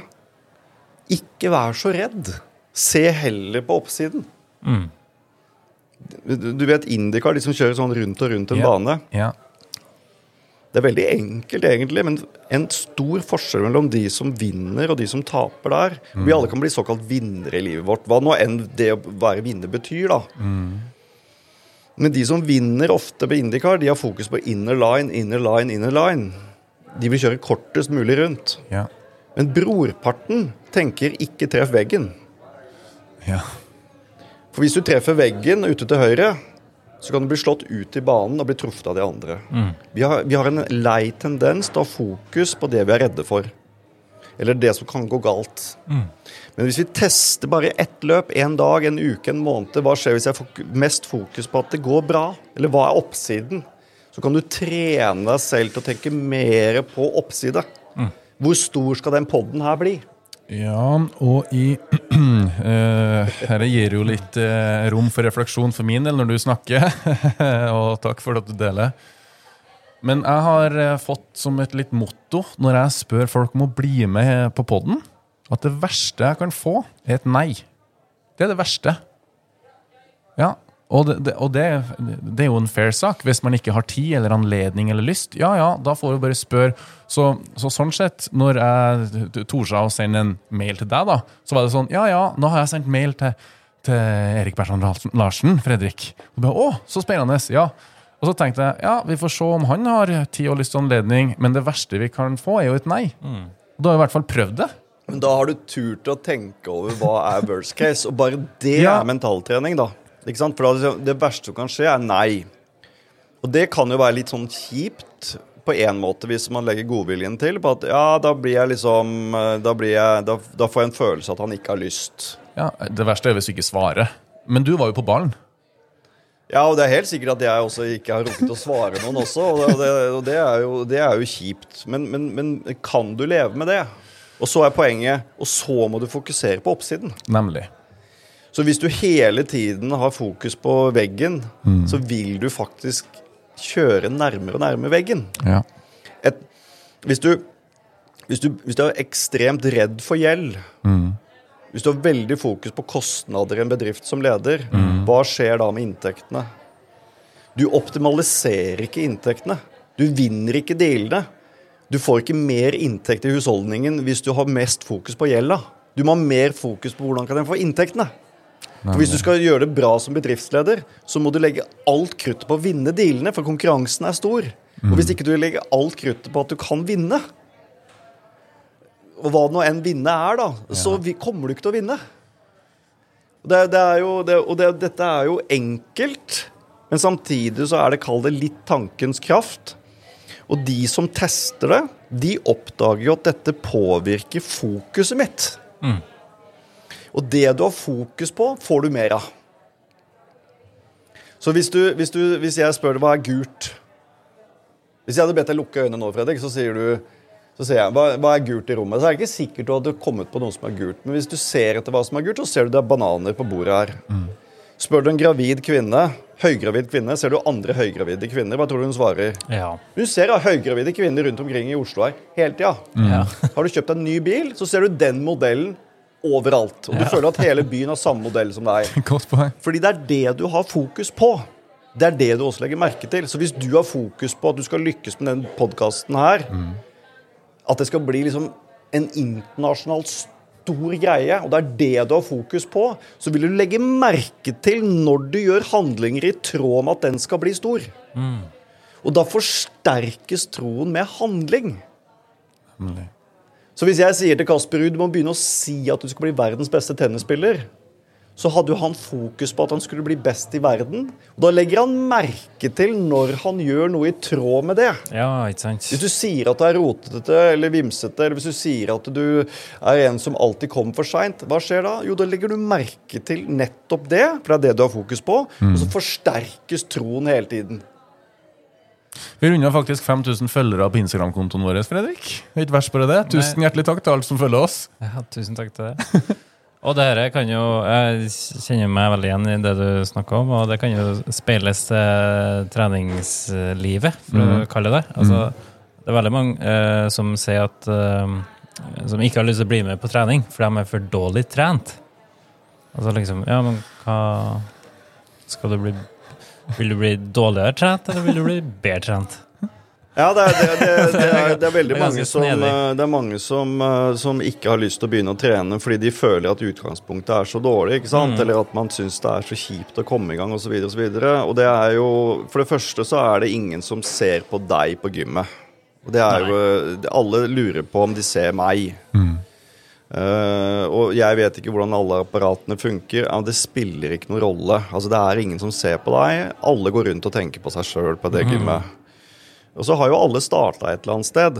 Og den reisen du kan starte fra du er liksom 40 fight og ferdig, liksom, til at du kan faktisk bli ganske fit Du må ha vel så mye fokus på hva er endgoalet, men du må også kunne rose deg selv at du bare var innom. Så istedenfor å ha fokus på at du ikke var i så god form som du kunne, burde eller skulle ha vært, så må du ha fokus på at jeg gir meg selv noe anerkjennelse for at jeg var innom gym i fem minutter. Det er det jeg har fokus på. Fem minutter med en eller annet apparat. Da kan du klappe deg selv på skulderen. Da får du litt eh, mestringsfølelse. Og så er det den du tar med deg til neste. Og da er det dette jeg tror veldig på, at du må ta veldig små skritt av gangen hvis du skal endre deg. Det nytter ikke å ha nyttårsforsetter at nå i år skal jeg bli i god form. Du må, Som regel i Norge i dag så må vi spille på små skritt av gangen, fordi vi har det egentlig ganske sånn passe komfortabelt. Mens hvis det er noen som har det veldig ubehagelig, så kan du endre deg ganske mye på relativt kort tid hvis det er veldig negative følelser involvert. Men som regel så må vi ta små skritt av gangen. Små seire. Men det kan bli eksponentiell vekst på det, altså. Ja, så du som lytter på, kanskje du blir inspirert. Ta så Finn fram ei notatblokk eh, eller noe å skrive på, og så kan du starte med å finne dine verdier. Og så dag to, en mål, skriv ned noen mål. Hva hadde vært helt fantastisk å få til? Ja. Bør det være eh, kortsiktige mål eller langsiktige mål? Det fungerer veldig forskjellig fra individet. For min del så klar, jeg fungerer veldig godt med at jeg har både noen langsiktige mål og noen kortsiktige. Så jeg fighter ofte på en god følelse på fredag. Eller jeg sier at jeg har lyst på den gode følelsen etter at jeg har trent. Men jeg har også en visjon på hvor jeg er om 10 år eller 15 år eller 20 år, faktisk. Så jeg kan veksle mellom det, da. Ja. Uh, mens noen funker ikke å finne store, hårete mål. Eh, de må bare ha noen kortsiktige. Så det er veldig sånn individuelt. Poenget med mål er jo at hvis du kan tenke på målet og drømmen din som en mental øvelse, så, så kan det gi litt energi og motivasjon på å tenke 'tenk om jeg kom dit'. Men det, det mange er redde for, er at hvis de er ambisiøse på egne vegne, ja, men hva om jeg ikke klarer det? Og det tenker jeg ofte at det er sånn Ja, men det gjør ikke så mye. Fordi hvis du snakker med folk som har virkelig nådd målene sine, så snakker de veldig sjelden om måloppnåelsen. Eller den dagen de står på pallen, liksom. De snakker om reisen. Så det å gå for å bli ambisiøs på egne vegne, Da, da mener jeg at det er ikke selve målet som er det viktigste i seg selv. Om du skal bli så og så rik, eller om du skal øh, oppleve dette og dette relasjonsmessig, eller følelsesmessig, eller balansemessig, eller om det er å gå på penger, eller hva det nå enn er. Det er, det er ikke selve målet i seg selv som kanskje er det viktige å nå. Det er reisen du skaper med å prøve, som kanskje er det viktigste. Og det syns jeg alle skal une seg. da, Å prøve. Og hvis man feiler, så går det an å prøve igjen. Og igjen og igjen og igjen. Og hvis man prøver igjen og igjen, og igjen, igjen så er det en helt annen reise enn å si at nei, jeg aksepterer at livet skal være sånn her. jeg. Og noen vil jo akseptere og det er helt greit, det, og noen vil si at jeg er på et bra sted. Fine. Men så er det veldig mange som har lyst til å tenke at nei, fader, er det Det må jo kunne by på noe mer, dette livet her. Nei, Vi har jo snakka mye om næringslivsledere og coaching rundt dem. Men eh, du har jo òg coacha mye toppidrettsutøvere. Hva er det som eh, kjennetegner problemene deres? Ja, det, er ja, det jeg syns er litt morsomt, da, etter å ha holdt på med dette her i noen år nå, det er at jeg opplever at vel, altså, ganske universelle utfordringer. Ja. Eh, om, du, om du er, eh, om du er liksom Kasper Ruud, eller om du er Petter Northug, eller om du er uh, Susann Tutta Pettersen, eller en veldig dyktig leder altså, Vi baler med mye av det samme. ja. Eh, vi har mye av de samme greiene. Eh, så om jeg hjelper en som si, lever et normalt liv og syns livet er litt sånn uh, traurig, så er det mye av de samme mekanismene for å løfte vedkommende litt, enn om en Kasper Ruud skal løfte seg litt. Um, men det som er morsomt med toppidrettsutøvere, er jo å se hvor stor impact mentaltrening kan ha. Det er det jeg syns er så fascinerende, for resultatene er så åpenbare. Er du mentalt sterk som, en, som idrettsutøver i hverdagen, ja, da holder du høy kvalitet på valgene dine. Og det er jo trening, kosthold, hvile som er de tre viktigste komponentene for å lykkes som idrettsutøver. Og slaget står jo i hverdagen. Så hvis du skal bli en veldig god idrettsutøver, så må du evne å holde høy kvalitet på disse tre områdene dag ut og dag inn over flere år. Det er jo der slaget står. Det er ikke når du spiller i Wimbledon eller French Open slaget står. Slaget står i hverdagen. Og det, det, det kjennetegner jo oss alle, egentlig. da, ikke sant? Så hvordan skal du som toppidrettsutøver øke sannsynligheten for suksess? Jo, du må være flink til å ha høy kvalitet på disse valgene. Og så høres det for de fleste ut høres det kjedelig ut. eller De, de snakker om disiplin, de snakker om liksom å leve asketisk, oppofrelse. Men de som har såkalt suksess innenfor en eller annen arena, de sier jo at dette er jo kult. Er, det, det er jo gøy å klare å stadig vekk utvikle seg og bli bedre. Så, så når, jeg, når du stiller spørsmål liksom, Det som kjennetegner toppidrettsutøvere, er egentlig det samme, samme som eh, hvermannsen, sånn som deg og meg. Liksom. At uh, hvordan kan jeg klare å holde trøkket, eller holde høy kvalitet? Hvile og skru av huet. Hvor mange næringslivsledere har ikke sagt til meg at de skulle ønske at de kunne skru av hodet og være til stede? Det samme gjelder en toppidrettsutøver. Uh, tenke på idretten, tenke på VM, tenke på OL. Nei, evne å skru av. Hvordan kan jeg starte økta med høy kvalitet? Og gjennomføre økta med høy kvalitet? Uh, hvordan kan jeg liksom bli flinkere? Hvordan skal jeg tenke for å få i meg mat eller tørre klær? Hvordan skal jeg tenke for at vi skal optimalisere hverdagen? Det er egentlig ganske fascinerende med idrettsutøvere. fordi at de stiller seg spørsmålet hvor god kan jeg bli? Og jeg syns jo det er et filosofisk spørsmål. Fordi jeg tror vi alle kan stille det spørsmålet i forhold til oss selv. Hvor god kan jeg bli? Men da må vi jo først tørre å tenke på hva er det å være god? Og for noen så er det bare å være. Eller å være passe. For noen er det å, å evne å gi et smil eller bygge andre. Men det må vi tørre å tenke på. Nå gikk jeg litt tilbake, men, eh, men, eh, men det er eh, toppidrettsutøvere. altså det de, det, mm, Hvis du ser på liksom verdensenere, da, så mener jo jeg at de har i stor grad klart å være seg bevisst på nettopp hvordan kan jeg klare å holde høy kvalitet på disse valgene i hverdagen. Som også kan bety å bare være, eller til stede, eller finne balanse. Det er mange som tror at det skal være å hige, Ja, skjønner. men eh, hvis du bare higer, så blir du jo sliten. Så det er, det er jo den evinnelige balansen. da. Hva som er balanse for den ene mennesket, kan være noe helt annet enn den andre. Mm. Ja. Du har jo møtt eh, veldig mange uh, forskjellige folk. Er det noen du liksom har fått litt sånn aha-opplevelse av, som har overraska deg?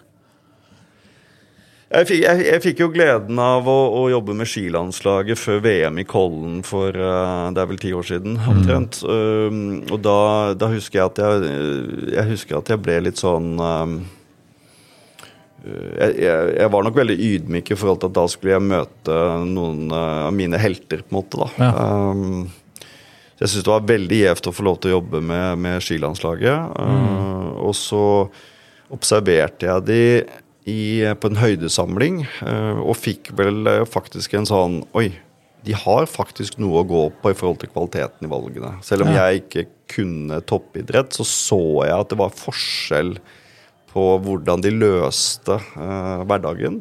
Mm. Uh, og, og, han jeg mente liksom var best på dette her, var jo Petter Northug. Ja. Uh, og når jeg fikk lov til å snakke med Petter i noen samtaler én til én, så, mm. så, imponerte han meg voldsomt. For jeg hadde et inntrykk av han gjennom media. Mm. Men eh, jeg ble, jeg ble, veldig fascinert av hvor, eh, hvor, bevisst han var, eh, og hvor mye han brukte mentaltrening. Okay. Uh, og jeg ble veldig sånn at jeg tenkte at han der, han, han kan jeg lære mye av. Uh, men, men, han, han, men, han, Jeg husker bl.a. at jeg fløy opp til Trøndelagen for å ta et møte med han, og det, vi hadde avtalt på forhånd at temaet skulle være femmila i Kollen på VM. Ja.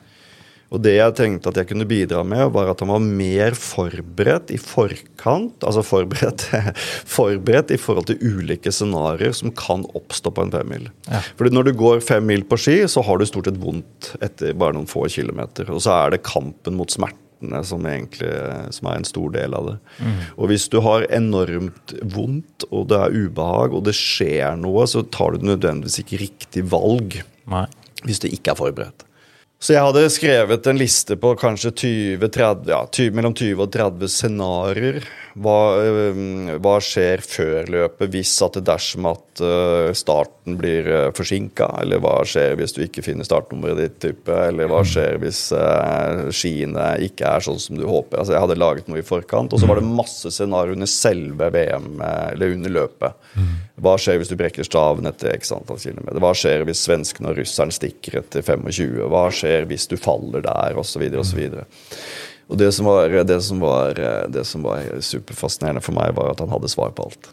Ja. Altså umiddelbart. Ja. Ikke noe tenkepause? Nei, han bare boom, da gjør jeg det. Dum, sånn de reagerer da. Ja. Sånn tenker jeg da. Sånn gjør jeg da. Altså dung, dung, dung, dung, dung. Og da ble jeg helt sånn wow. Ja, men eh, Erik, jeg tenker på dette hele tiden jeg, jeg skal jo være godt forberedt. Hmm. Så under treningsarbeidet og i forberedelsene til det VM-et der, så var han forberedt på utrolig mye. Ja. Og det var sånn Wow, det er ikke tilfeldig at han fyren der var best. Altså. så han sto, han sto, nesten med tennisracketen i handa og var klar til å slå ballen tilbake. Alt skulle bare bounce back. Ja, og det er klart ja. Du klarer ikke å forberede deg på alle scenarioer, men bare det at han, at han hadde gått gjennom veldig mange scenarioer på forhånd, fortalte meg at han turte mm. å forberede seg. Mm. Og det, det, er egentlig ganske interessant, fordi at når jeg jobber i næringslivet, så har jeg en sånn følelse av veldig mange sånn Ja, vi håper det går bra. Ja. Vi, eh, du vet at det er noe viktig. Det kan være et salgsmøte, det kan være en pitch, det kan være en presentasjon, det kan være en forhandling, det kan være hva som helst. Mm -hmm. Og så skriver de kanskje noen slider, de gjør noen, eh, de gjør noen greier, men de forbereder seg ikke så bra som de kunne ha gjort vi har en tendens til å håpe at det går bra. Jeg kan jo kjenne meg igjen. Jeg skal holde en tale for mor i hennes 70-årsdag. Eh. Mm. Jeg håper det går bra, altså. Men jo mer jeg forbereder meg, mm. jo mer jeg skriver på den talen, jo mer jeg faktisk øver på den talen i et rom foran et speil, mm. jo mer ro får jeg jo. Og det, Petter Northug sa jo til meg før, under VM Rett før, uh, før, sprinten så sa han til meg at han hadde en overraskende stor ro. Så lurte jeg på hva jeg skulle si for å underbygge det, for jeg ville ikke ødelegge noe av hans feeling. Mm. Da spurte jeg hva, hva er det som skaper denne roen, og så sier han jeg har forberedt meg det jeg kunne. Punktum. Punktum. Jeg har gjort det, det jeg har gjort alt jeg kunne, liksom. Og det er jo det, hvor, hvor kult er Det der kan jo vi alle lære av. Hvor, hvor god kan en podkast bli? Ja. Hvor, hvor god kan den presentasjonen bli? Ja, det kan uh, brukes til alt, egentlig. Tenk litt på det. Hvor bra kan dagen bli? Ja, det er nydelig. ikke sant? Tørre å tenke på på morgenkvisten hvordan kan jeg skape Jeg husker det var en psykolog, en, en kanadisk psykolog. Hvis du bruker noen minutter på morgenkvisten how can, I, how can I create a beautiful day? Gitt at jeg må på jobben, gitt at jeg må ditt og datt og tjo og hei, men hvordan kan jeg skape denne dagen til å bli en fantastisk dag? Vi har noen tusen dager på den planeten her. Det har vi. Herlig. Jeg håper du som eh, lytter og ser på, blir inspirert og kanskje tar litt, eh, tenker over litt eh, hverdagen din, og kanskje ser litt nærmere på de målene eller de drømmene du har. Og Eller kanskje det er på tide å sette seg eh, noen mål? Eller tørre å legge en drøm? ja. Ja. Eh, Du har jo gitt ut eh, flere bøker og sånn. Eh, Hva er det det går i? Det er, det er fire bøker. Mm. den første het Bli best, med mental trening. Eh, det er egentlig en sånn eh, Det er noen erfaringer fra en del folk jeg har jobba med. Det handler litt om dette her med hvordan jeg tenker litt i hverdagen. Det handler litt om hvordan jeg er best når det gjelder. Ja. Så er det bok nummer to, 'Ha helvetesuka. Og bok nummer tre heter Nå, som handler om tilste tilstedeværelse. Helvetesuka er mer et sånt konsept som du kan gjøre for å teste deg selv, utfordre deg selv. Okay. Leve livet ditt til fulle en ukes tid. Mens nå-boka er mer sånn hvordan være til stede. Mer eh, hvordan finne roen. eh. og så siste boka handler egentlig Det er egentlig ganske sånn selv, eh, selvopplevd med at jeg forteller litt hvordan jeg kom meg ut av en tøff periode, og kanskje hvordan leseren også kan kanskje få et og annet innspill på hvordan håndtere noen tøffe perioder i livet. Så det er, det, er, det er jo mentaltreningsbøker, opplever jeg. da. Ja. Ja. Og så har du jo i tillegg Bertrands eh, univers. Og der finnes det jo masse hjelp å få hvis man eh, ønsker litt eh, coaching og sånne ting. Ja, det er hyggelig du sier det. Nå, er det, nå er jeg gått fra å jobbe én til én til å drive med noen online-kurs. Så, Ja. så det er hyggelig at du nevner det. altså. Vi har uh, hatt uh, stor suksess med det. Det har vært mye hard jobbing, men vi har liksom, uh, nå lager vi sånn at det skal bli tilgjengelig for, eh, for alle. da. Så det er veldig moro, det. Hvem er typisk, typiske kundene? Eller Ja, Det er et veldig oppsøker? vanskelig spørsmål, for det er veldig forskjellig. uh, vi har stilt oss det spørsmålet. Vi er et lite team på fem stykker. Uh, og vi har stilt oss det spørsmålet liksom, hvordan skal vi targete kundene. Men det er veldig forskjellig. Det er alt fra unge studenter til uh, pensjonister. Ja. Det er hotshot næringslivsfolk til Altså finansfolk til toppledere til Til rørlegger og Oda på Otta som eh, lurer på hvordan hun skal finne seg en ny jobb. Så det er, det er ganske universelt. Og det er det som kanskje kan være litt sånn vanskelig for noen å ta inn over seg. At ja, men jeg er jo unik. Jeg har en unik situasjon. Jeg kan ikke bruke mentaltrening på samme måte som uh, Per og, og Kari. Men, uh, men det er faktisk ganske mye av de samme mekanismene som foregår. Og vi mennesker opplever ganske mye av det samme i løpet av et liv. Altså. Selv om noen opplever mer brutale greier enn andre, og noen er litt sånn urettferdige. så de, de Altså Det er som buddhismen uh, sier. ikke sant? Life is uh, suffering. Livet er hardt for alle. Det er et tidsspørsmål før vi alle skal oppleve tap, sorg, sykdom. Vi skal til og med daue alle sammen. Alle sammen. Så, så det er jo brutalt for alle. Og, så er jo da, og da blir jo kunststykket hvordan kan jeg få det bedre, Uh, til tross for at livet er ganske brutalt. Da. Og det er jo mulig. Og det er jo mulig. Og det har jo folk tenkt på siden tidenes morgen. Men da må man jo være åpen for at ja, Kanskje jeg, kan, eh, kanskje jeg kan bruke noen av de bruksanvisningene som er skrevet der ute. Jeg bør ikke finne opp hjulet på alt sjøl. Altså det, er- det er en del folk det er, jeg, har jo, jeg har vært nysgjerrig på tenkning siden jeg var liten gutt. Så jeg har jo bare lært av andre. Så, og så er det jo mange kanaler på å viderebringe, men jeg, jeg elsker å komme med noen innspill på at vi alle kan, ja, vi alle kan kanskje utvikle vårt tankesett og holdning og innstilling til livet hele tiden. da. Tenker du mye på alder og sånn? Du har bekka 50? Ja. Ja. Føler du deg gammel? Ja. 50 var en eh, greie for meg. Ja. Eh, men jeg har alltid brukt døden som, eh, som en veldig positiv greie. Eh, sense of urgency tror jeg tidvis kan være bra for oss. Mm. Mm, Døden er nok liksom en, en fin oppfinnelse i livet, tror jeg. Eh, hvis, det, hvis vi ikke hadde hatt døden, hva hadde da, hvor, hva hadde da livet vært? Ikke sant? Eh, det, Ja, du får ikke satt punktum, i hvert fall. det, det blir, det, det, definisjonen liv blir jo borte. Ja, det er jo et eh, evig liv. Um, vi hadde jo ikke hatt et begrep om liv uten døden. Uh, så jeg, jeg, eh, jeg har ikke lyst til å sitte der som Hvis jeg blir gammel, så har jeg veldig lite lyst til å sitte der og tenke at åh Jeg, jeg skulle ha. Skulle ønske at jeg gjorde det. Ja, det, det, det er jeg redd for. Så det- gjør at jeg kanskje er eh, innimellom modig da, og sier at vet du hva øh, jeg, må, jeg, må, jeg må gjøre alt jeg kan for at jeg sitter der som gammel mann og tenker at øh, jo, jeg, jeg gjorde så godt jeg kunne. Eh, og jeg har feila. Men det ser jeg på som en del av reisen å feile. Mm. så, så, så for meg er døden og det å bli gammel bra. Fordi det gjør at jeg får lyst til å øh, ta noen sjanser og ta litt risiko. Og, og um, ja, jeg prøver å tenke at det, det er ikke så farlig om jeg går på trynet. Um, Nei. Jeg tenker litt det samme sjøl når jeg sitter på gamlehjemmet eller blir eldre. At uh, Jeg håper ikke jeg sitter og sier at eh, åh, skulle ønske at jeg gjorde det, altså. Mm.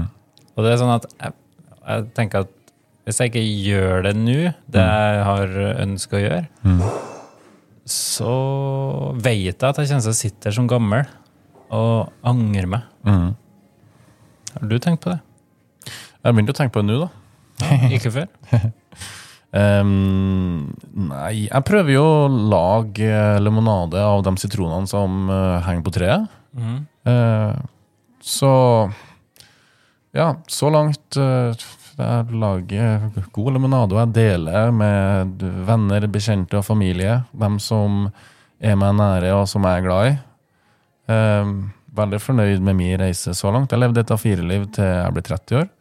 Eh, og så har jeg jo både reist og opplevd mer de siste årene enn hva jeg gjorde de første 30. Eh, veldig takknemlig for alt jeg får eh, oppleve. Eh, den reisen her med podkast nå, uh, reise rundt og møte Vi nærmer oss 100 episoder. Uh, møte så mye forskjellige interessante folk. Ja, Når du stiller meg spørsmålet, så blir jeg litt stille, fordi at eh, da reflekterer jeg på absolutt alt det jeg nettopp sa. Eh, og mm, det Jeg er happy. Hvis man er litt nysgjerrig da, på Bertrands univers, eh, hva skal man gjøre da? ja, det er hyggelig at du spør.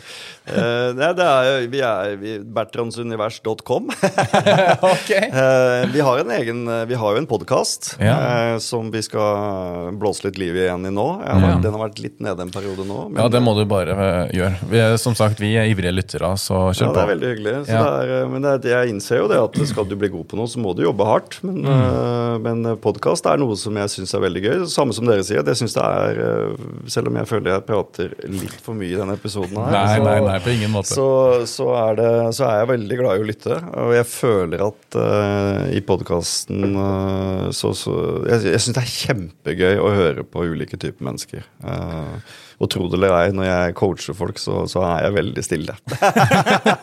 Eh, og får vedkommende til å reflektere og snakke. Men, eh, men bertransunivers.com er liksom der har vi Der er det tilgang på hele universet vårt, da. Med, med online-kurs og type abonnement. Og, eh, så det er en veldig spennende reise på hvordan vi kan få flere til å ta del i mentaltreningsuniverset. Eh, for, det, det, for noen er dette her litt sånn muffens og litt rart og litt uh, ullent, men, eh, men vi alle driver jo med det på en eller annen, et eller annet nivå. Mm. Det er ikke at jeg har svarene. Jeg, jeg prøver, pleier å si at jeg prøver å fasilitere for tenkning.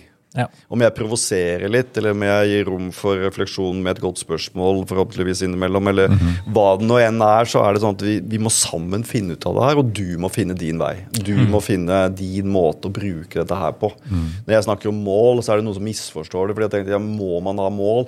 Ja, vi har eh, ubevisst bevi- altså, vi, vi alle har våre greier i forhold til hva vi ønsker å strekke oss etter. Om det så bare er å si at jeg, jeg vil ikke strekke meg, så er jo det et mål i seg selv, da. Så liksom, vi alle forholder oss til verdier, vi alle forholder oss til mål, vi forholder oss til indre dialog, visualisering, vi forholder oss til kontraster, emosjonelle kontraster i livet. Vi setter jo livet i perspektiv, vi snakker om døden. Vi gjør jo det innimellom uansett. Men så er det dette med mentaltrening. er kanskje ok, nå setter jeg litt tid til dette her. Det tror jeg er verdifullt. Hvis jeg prater med noen i 90 minutter, så har det enorm verdi at jeg bare har fokus på deg i 90 minutter. Eller hvis du tar et kurs, så setter du av tid til det. du, du investerer i deg selv. At nå skal jeg faktisk gå gjennom de greiene her sånn, og kanskje bruke noen verktøy metoder for å få til ønsket endring. Så det er jo, jeg, jeg er enorm lidenskap for det, som du kanskje merker. fordi at jeg Ja, ja. ser at jeg ser at det kan skape en bitte liten endring. Og en bitte liten endring i livet kan bety enormt mye om et år eller om ti år. Veldig bra. Hva er dine mål om ti år? Da er du 60. Jeg har veldig lyst til å altså jeg har, Når det gjelder si, helse, så er det liksom at jeg har eh, jeg har veldig lyst til å ha en ålreit form om ti år. Det har vært veldig, Jeg kommer aldri til å gi opp og, og komme stadig vekk i bedre form, selv om jeg nå bare ser Jeg, jeg, kommer, å, jeg kommer aldri til å bli like god form som jeg var i 20-årene, men allikevel liksom, Det å være i god form er et mål. Eh, og så har jeg veldig uh, sterkt ønske om å og at kidsa mine sier at jeg er en eh, ålreit pappa, og at uh, kjæresten min sier at jeg er en ålreit fyr å, å henge med. Og at kjærligheten er så, så det er, sånne ting tenker jeg mye på. Og så er det at jeg, jeg, jeg, jeg tør å drømme i dag om at jeg skal få til noe på den internasjonale arenaen i forhold til coachingen. Da. Eh, Kult. Så, ja, det er hyggelig at dere sier kult. Ja. Eh, For det er jo noe som jeg må ta litt sats for å si. Men det er liksom ok, nå har vi solgt noen bøker i eh, 13 land, men jeg, jeg, har, eh, jeg føler meg dårlig i engelsk. Eh, Så jeg, må, jeg skal gjøre en mentaltreningsjobb i forhold til meg selv og tørre å, å gå ut eh, i den store verden med min uh, rare engelsk. Det er jo veldig spennende. All right, but let's switch over to English then. Ja, ja. ja, ikke sant? Ja, Jeg kan anbefale et par bøker i så måte av eh, forfatter Erik Bertrand Larsen. Nei, så der møter jeg meg Og dem får du på engelsk også. Der møter jeg meg selv i døra. ikke sant? På Ja. hvordan skal jeg tørre det? Nemlig. Så artig. Vi har et par spørsmål vi bruker oss til eh, gjestene våre. Det har vi. Og det første spørsmålet er hva er ditt beste helsetips? Og det første jeg tenkte på, er sov nok. Så enkelt kan det sies. Jeg støtter den 100 Ja, ja. Eh, Neste spørsmål. Hva er ditt beste treningstips? Tren hardt. Ja, men, ja, men Og hva er ditt beste mentaltreningstips? Tør å stoppe opp og tenke. Uten forstyrrelser. Sett av en halvtime, sett av en time til refleksjon. Hvem er jeg? Hvor er jeg? Hvor skal jeg? Hvordan kan jeg gjøre en liten endring som er bra for meg i livet mitt? Men å tørre å sette av tid, og svare skriftlig, gjerne med, med et stykke, en bok foran seg, liksom å skrive ned eh, litt de store spørsmålene, det kan være veldig verdifullt. Vi begynner nærmest slutten. Vi har vår siste faste spalte, der vi stiller gjesten ti kjappe spørsmål. Så det er enten eller spørsmål. Så må du svare så raskt som mulig. er du Klar? Ja. Proteinshake eller proteinbar? Shake. Trener med pulsklokke eller ikke? Ikke Hjemmetrening eller trene på gymmet? gymme. Trene med musikk på øret eller uten? Begge deler, egentlig. Um, med. ok. Løp- Løpe eller gå på ski? Gå på ski. Sydpolen eller Nordpolen? Hvis jeg kan velge nå, så tar jeg gjerne Nordpolen. Ja, for du har jo vært på Sydpolen. Ja. Eh, Badstue eller isbade? Det hadde vært eh, digg med begge deler, kanskje. Ja, det er lov. Nei, men da tar jeg badstue, altså. Ja, badstue. Stå opp med en gang eller slumre? Jeg vil gjerne stå opp med en gang. Det er ikke alltid jeg klarer det, men Lage mat sjøl eller takeaway? take away. Bil eller kollektivt? Bil. Mentaltrening eller fysisk trening? Jeg må jo si mentaltrening, da. Selv om det henger veldig sammen. Ja. Coaching one on one eller i gruppe? One on one. Kaffe eller energidrikk? Kaffe. Skrive bok eller holde foredrag? Skrive bok. Jobbe med toppidrettsutøvere eller næringstopper? Næringstopper. Tur på fjellet eller tur i parken? Fjellet. Tren på morgenen eller på ettermiddagen? Ettermiddagen. Store måltid eller mellommåltid? Mellommåltid. Frukt eller grønt? Jeg burde sikkert spise mer grønt. Der har du noe å tenke på! ja. Ja, jeg burde, jeg burde grønt. Burde grønt. Kostholdsplan eller freestyle-tallerken? Ja, da må jeg si freestyle. da. Snø eller sandstrand? Snø. Fisk eller kjøtt? Kjøtt. Generell oppvarming eller spesifikk oppvarming? Generell. Sitte ute eller sitte inne? Ute. Tøy ut eller reise rett hjem etter trening? Jeg vet hva jeg burde. Det vil svare nok i seg sjøl. Ja, det er nok det. Eh, musikk eller podkast? Det blir mest musikk, altså. Soloppgang eller solnedgang? Jeg foretrekker soloppgang hvis jeg orker. Ja. Lære noe nytt eller lære bort? Lære noe nytt, ja. Lasse eller Fredrik? Ja, Den nekter jeg. Jeg tror det, Dere er to fine fyrer. Tusen takk for det. Trappa eller heisen? Ja, Det er igjen eh, veldig lett å si hva man burde. Um, Vi tok trappa i dag. Vi tok trappa i dag, Lasse. Uh, så jeg Men jeg er ikke sånn jeg, jeg, Så lenge jeg får meg den økta, Ja. så Ja. gir jeg beng, altså. Okay. Okay. Så jeg tar nok mer heis og tenker at uh, det er greit. Ja. Ja. Eh, Litt samme, la oss si at du står i rulletrappa. Står du, eller går Og du? jeg går ganske ofte da. Altså. Ja, bra. Mm, bra. Det var siste. Det var siste. Tusen takk. Eh, før vi runder av, er det noe du har lyst til å tilføye på tampen? Nei, jeg, jeg må si at uh, jeg er veldig imponert. Jeg, for jeg driver litt sånn uh, men jeg, jeg, ja, jeg er veldig imponert. Jeg blir, jeg blir inspirert av dere, da. Oi, ja, så hyggelig. Ja, veldig. Ja, kult. Uh, ja, Den podkasten deres er bra, og jeg er imponert over hvordan dere gjennomførte det. Og jeg er liksom imponert over intro og måten dere har roen på underveis og spiller hverandre gode. Nei, jeg, jeg Ja. Jeg tror dere skjønner at det kommer fra hjertet. Det, dere er flinke, altså. Tusen hjertelig takk Jeg er veldig inspirert. Vi blir inspirert av deg. Ja, det blir Så vi. det går begge veier. Ja. Og med det så er det vel bare dessverre på tide å runde av. Tusen hjertelig takk for en kjempefin prat, og lykke til med internasjonal satsing! Fredrik? Tusen takk for praten, og jeg håper du som lytter og ser på har blitt inspirert og kanskje tar grep i din hverdag. Det håper vi. Og nye episoder hver torsdag på Gympodden. Hei og hå, og takk for nå! Hei.